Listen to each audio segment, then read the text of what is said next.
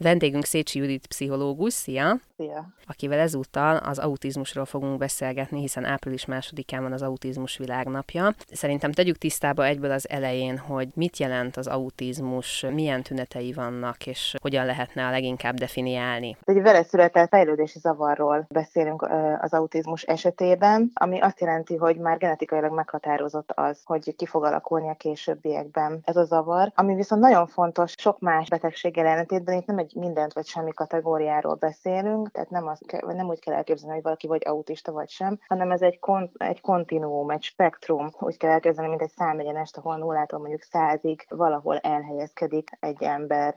Tehát a, a tünetek minden személynél egyedi szerveződésben jelennek meg, és ezeknek a súlyossága is különböző lehet. Mi a gyermeknél a legkorábbi kor, amikor már lehet arra gyanakodni, hogy autista jegyeket mutat? Egészen fiatal korban már azért olyan kettő éves kor körül már megfigyelhetők, látható viselkedésbeli jegyek, amik utalhatnak arra, hogy fennállhat ez a probléma, illetve a beszédfejlődésnek a megkésettsége, vagy a beszédfejlődésnek bizonyos zavara is már egy figyelmeztető jel lehet. Természetesen ez nem azt jelenti, hogy feltétlenül autizmusról van szó az adott gyerek esetében, de, de már ez, ez egy felhívó jellegű tünet lehet. Hova fordulhat ilyenkor a szülő, hogyha ilyesmit felfedez? Tehát első körben ki tudja megvizsgálni a gyermeket? Mindenképpen szükséges az, hogy gyermekekkel foglalkozó pszichiáter vizsgálja meg ilyenkor a gyerekeket, és emellett, hogyha gyermekpszichiátrián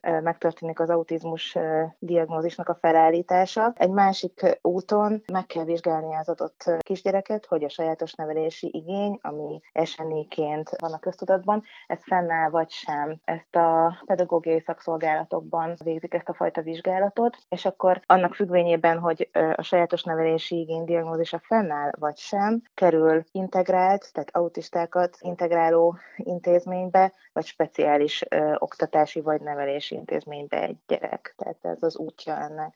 Ugye azt említetted, hogy mindenkinél egyéni mintázata van ennek, tehát hogy nem feltétlenül lehet tipikus jellemzőket felsorolni, de esetleg tudsz-e olyasmit mondani, hogy ugye az előbb mondtad ezt a beszédkészség megkésettségét, vannak-e esetleg ezen kívül még olyan tünetek, amiket érdemes figyelni, tehát amik ugye más-más mintázatban és más-más súlyosságban mindenkinél, de esetleg felhívhatják a figyelmet arra, hogy itt gond lehet. Általánosságban három nagy diagnosztikus csoportba sorolhatók azok a, azok a jegyek, amelyek jellemeznek egy autistát.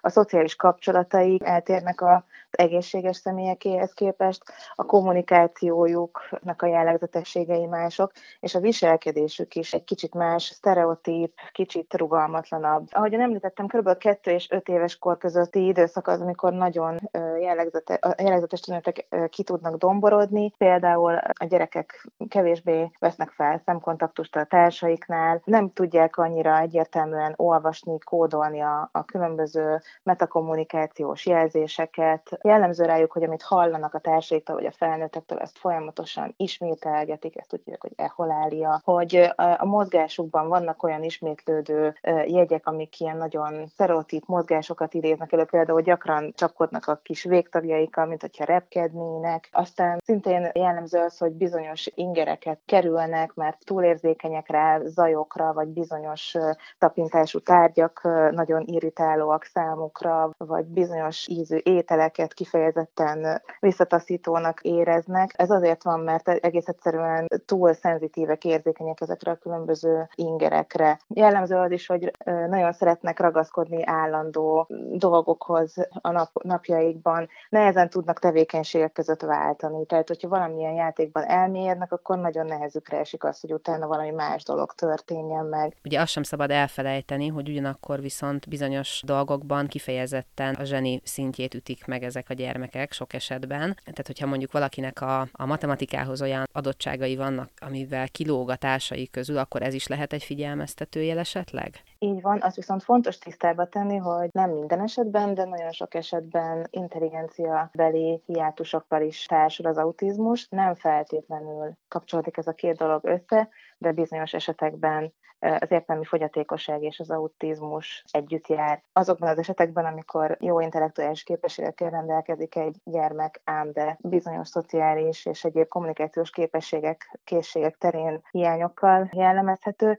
ilyen esetekben fordul elő az, hogy brillírozik mondjuk matematikából, vagy vannak olyan hobbik, amiben egészen extrém tudásra tud szert tenni. Mik a tapasztalatok egyébként, hogy mennyire van esély arra, hogyha valaki enyhe autizmussal küzd, akkor egy átlagos iskolában tudja elvégezni a tanulmányait? Abszolút számtalan sok példa van erre. Nagyon érdekes az, hogy sok, sok esetben például felnőtt korában valaki önmagát megfigyelve, vagy, vagy szakirodalmakat olvasgatva önmagában merül fel, hogy esetleg ő az autizmusnak valamilyen fokával jellemezhető. Tehát egészen addig, amíg a saját szociális életében nem figyelhető meg nehézség, vagy a környezeten nem látja azt, hogy valamilyen nehézséggel küzd az adott ember, addig még lehet, hogy nem is diagnosztizálnak, vagy nem is merül fel ez a dolog. Tehát nagyon jól el lehet élni, és önálló életet vezetni, és, és akár családot is alapítani úgy, hogyha valaki az autizmusnak egy enyhe fokával jellemezhető. Az egyébként mennyire igaz, ezt lehet hallani néha egy-egy helyről, hogy autisztikus jegyeket mutat szinte mindenki. Ez igaz? Hát nyilvánvalóan minden egyes tulajdonképpen pszichiátriai korképnek bizonyos tüneteit tud ideiglenesen, rövidebb, hosszabb ideig bárki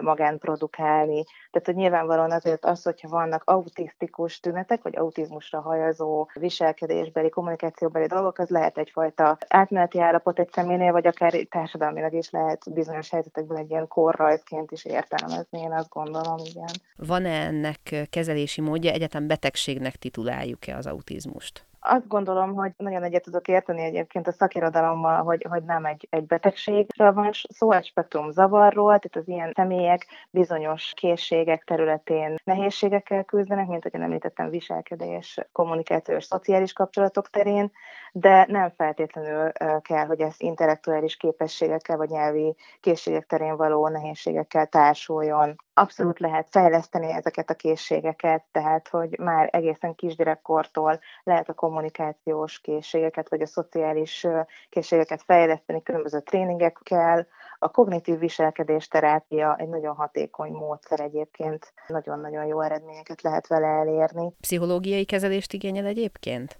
Csapatban dolgoznak a szakemberek, tehát hogy fejlesztő mellett igen, pszichológusok segítenek a gyerekeknek abban, hogy ezekben a készségekben minél ügyesebbek legyenek. Nagyon fontos az, hogy otthon a megfelelő korlátok és keretek legyenek. Az autista gyerekeknek nagy segítséget és mankót jelent minden olyan dolog, ami így a vizuális, vizualitás mobilitással kapcsolatos, tehát hogyha a napirend, a, a házi munka, vagy bármi valamilyen kis képek, piktogramok formájában meg tud jelenni otthon, felragasztva, matricázva, fotókkal illetve ez mind-mind olyan, ami, ami segítséget jelent, hogy boldoguljanak így a napi rutinban. Ez körülbelül hazánkban egyébként hány embert érint, illetve van-e a nemek között valamilyen különbség a megoszlás tekintetében? A legutóbbi statisztikák szerint kb. olyan fél százaléka a népességnek, aki autizmus diagnózissal rendelkezik. A nemek tekintetében a fiúk azok, akiknél felülreprezentált ez a dolog. Magyarországon körülbelül olyan százezer főt érint, de azért hangsúlyoznám, hogy sokaknál nem diagnosztizált, mert enyhe autizmus esetében teljesen jól tudnak funkcionálni és önálló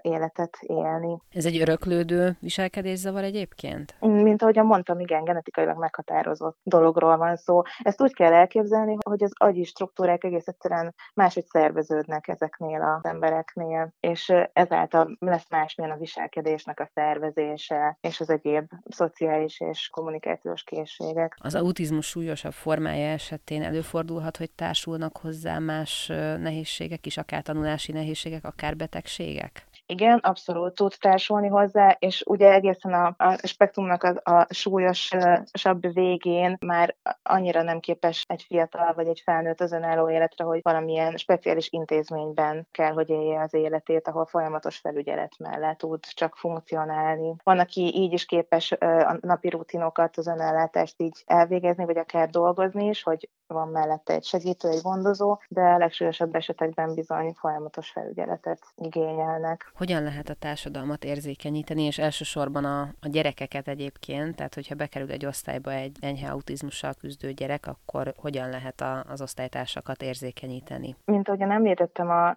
sajátos nevelési igényű fiatalok közül nagyon sokan integrált osztályban tanulhatnak, ami azért fontos, hogy már szakemberek előzetesen vizsgálatok alapján meg tudják állapítani, hogy kik azok, akiket lehet integrálni egy osztályközösségbe. Tehát nem minden autista fiatal tud jól működni egy-egy olyan közösségben, ahol az egészséges társakkal együtt tanulnak. Mindenképpen fontos az edukáció, tehát hogy tudjanak arról már a fiatal gyerekek is, hogy, hogy mit jelent maga az autizmus, hogy nem azt jelenti, hogy egy, egy, egy gyereknek nincsenek érzései, hogy, hogy képtelen arra, hogy megéljen, átéljen dolgokat, hanem egész egyszerűen arról van szó, hogy bizonyos dolgokban nem elég ügyes, és akkor ebben nagyon jól lehet segíteni és támogatni őket. Bármilyen gyógyszeres kezelést igényelhet egyébként bizonyos formája?